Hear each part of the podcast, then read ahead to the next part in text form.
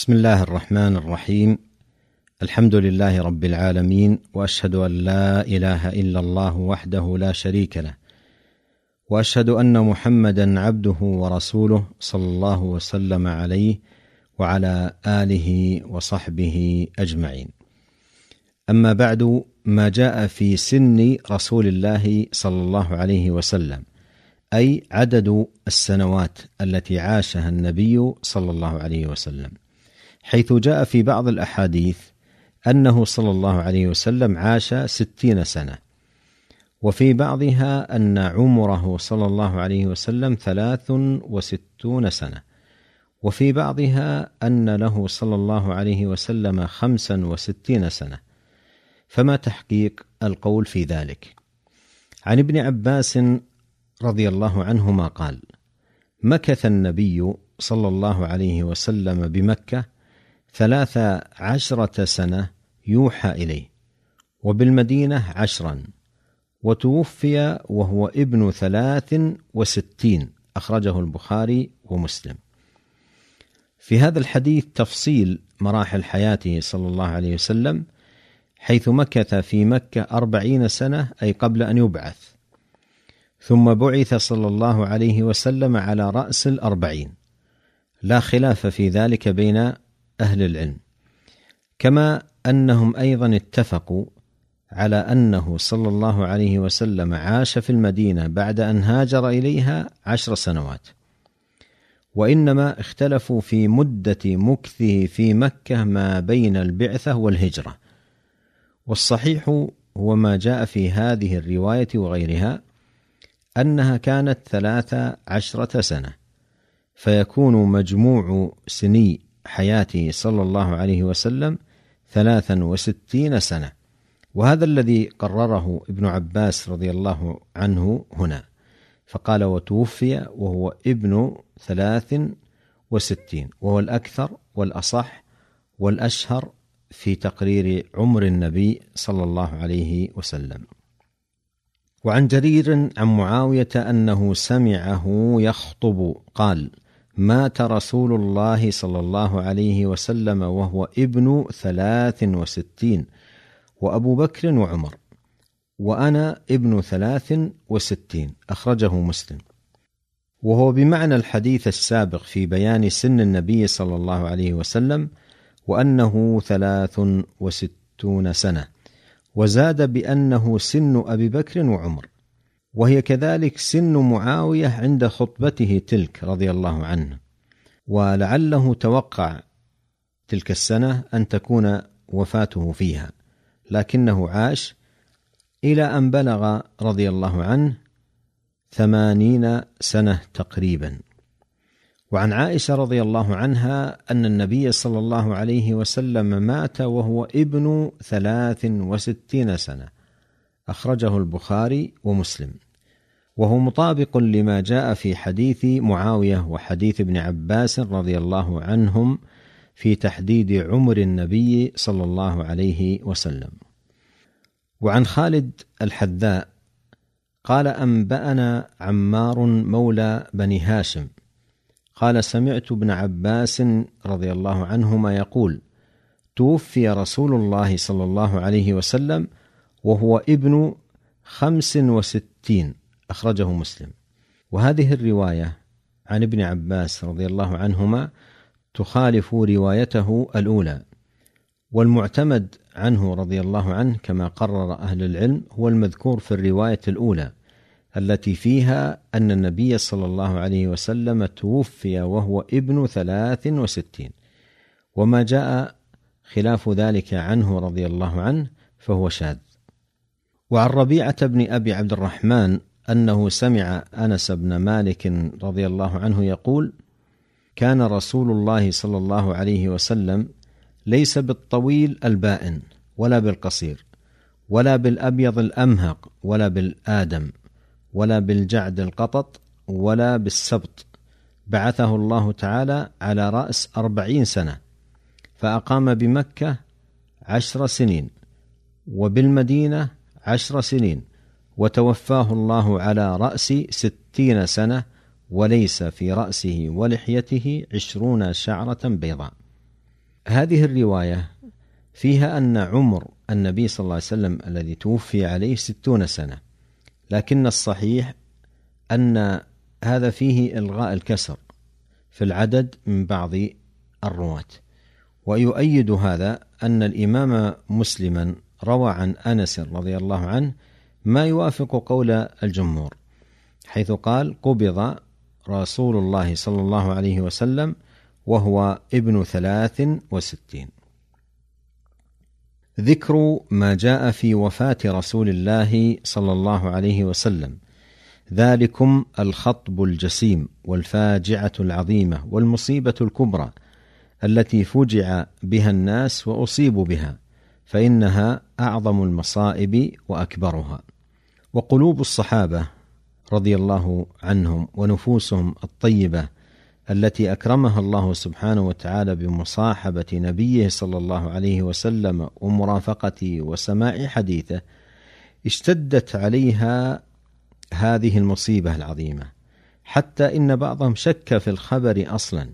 فقال عمر بن الخطاب رضي الله عنه أول ما ذكر له هذا الخبر من قال إن النبي صلى الله عليه وسلم قد مات ضربته بالسيف حتى تقدم الصديق رضي الله عنه من بين هذه الجموع في المسجد ووقف أمام الناس وخطب خطبة عظيمة ثبت الله بها القلوب المؤمنة وبصر بها نفوس العباد فحمد الله وأثنى عليه ثم تلا قول الله تعالى إنك ميت وإنهم ميتون. حتى فرغ من الآية بتمامها. ثم تلا قول الله تعالى وما محمد إلا رسول قد خلت من قبله الرسل. أفإن مات أو قتل انقلبتم على أعقابكم حتى فرغ من الآية بتمامها. ثم قال مقالته المشهورة وكلمته العظيمة من كان يعبد الله فإن الله حي لا يموت. ومن كان يعبد محمدا فإن محمدا قد مات. يقول عمر رضي الله عنه وإن هذه الآية لفي كتاب الله. ما شعرت أنها في كتاب الله. وجاء في بعض الروايات أنه ما يسمع بشر إلا يتلوها أي في المدينة آنذاك. فوعى الناس الخبر وعلموا الحقيقة وشعروا بهذا المصاب العظيم مصابهم بموت رسول الله صلى الله عليه وسلم الذي هو أعظم مصاب وأكبره. ولهذا قال عليه الصلاة والسلام إذا أصيب أحدكم بمصيبة فليذكر مصيبته بي فإنها أعظم المصائب عنده. عن أنس بن مالك رضي الله عنه قال آخر نظرة نظرتها إلى رسول الله صلى الله عليه وسلم كشف الستاره يوم الاثنين فنظرت إلى وجهه كأنه ورقة مصحف والناس خلف أبي بكر أي يصلون فأشار إلى الناس أن اثبتوا وأبو بكر يؤمهم وألقى السجف وتوفي رسول الله صلى الله عليه وسلم من آخر ذلك اليوم أخرجه البخاري ومسلم. هذا الحديث فيه أن وفاة النبي صلى الله عليه وسلم كانت ضحى يوم الاثنين وصلى الناس فجر ذلك اليوم خلف أبي بكر الصديق رضي الله عنه وكان النبي صلى الله عليه وسلم قد اشتد به المرض ذلك اليوم. ففتح الستارة ونظر إلى الصحابة رضي الله عنهم منتظمين صفوفا خاضعين لله خاشعين منكسرين بين يديه سبحانه وتعالى عابدين له طامعين في ثوابه خائفين من عقابه. فلما رآهم عليه الصلاة والسلام على هذه الحال تبسم. كما جاء في صحيح مسلم من حديث أنس بن مالك رضي الله عنه قال ثم تبسم رسول الله صلى الله عليه وسلم ضاحكا أي غبطة وفرحا وسرورا بهذا المن بهذا المنظر البهيج. ونظر أنس رضي الله عنه إلى النبي صلى الله عليه وسلم في تلك اللحظة فوصفه بهذه الصفة كأنه ورقة مصحف أي في الصفاء والحسن والبهاء والجمال والإشراق. وأرخى الستر عليه الصلاة والسلام قرير العين بهذا المنظر المفرح والصورة المبهجة. أمته صلى الله عليه وسلم مجتمعة في المسجد تصلي. أقر الله عين نبيه صلى الله عليه وسلم بهذه الصورة البهيجة والحالة المفرحة. فتبسم صلى الله عليه وسلم تبسم فرح وسرور وقرت عينه بهذا المنظر البهيج.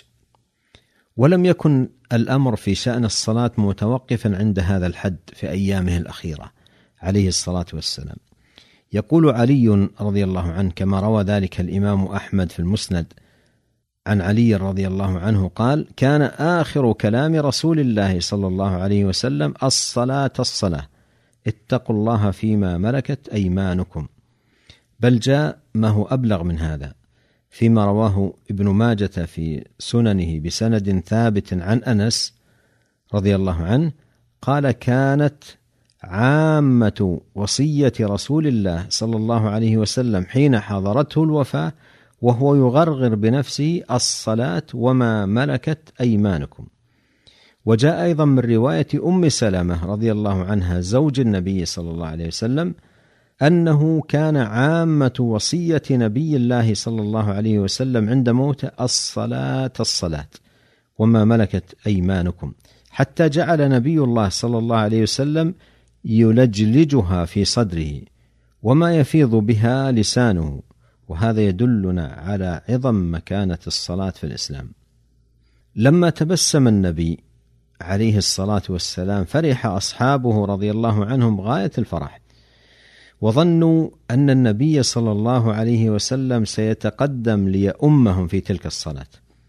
ولكنه أشار إلى أبي بكر ومن معه رضي الله عنهم أن اثبتوا وألقى السجف أي أرخى الستارة وبقي في بيته إلى أن قبضت روحه صلى الله عليه وسلم حين اشتد الضحى من ذلك اليوم.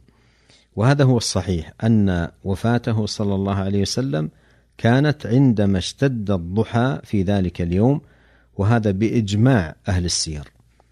أما قوله هنا وتوفي رسول الله صلى الله عليه وسلم من آخر ذلك اليوم لعل المراد بذلك تحقق الناس من الخبر لأنه أول ما قبض عليه الصلاة والسلام في اشتداد الضحى من يوم الاثنين.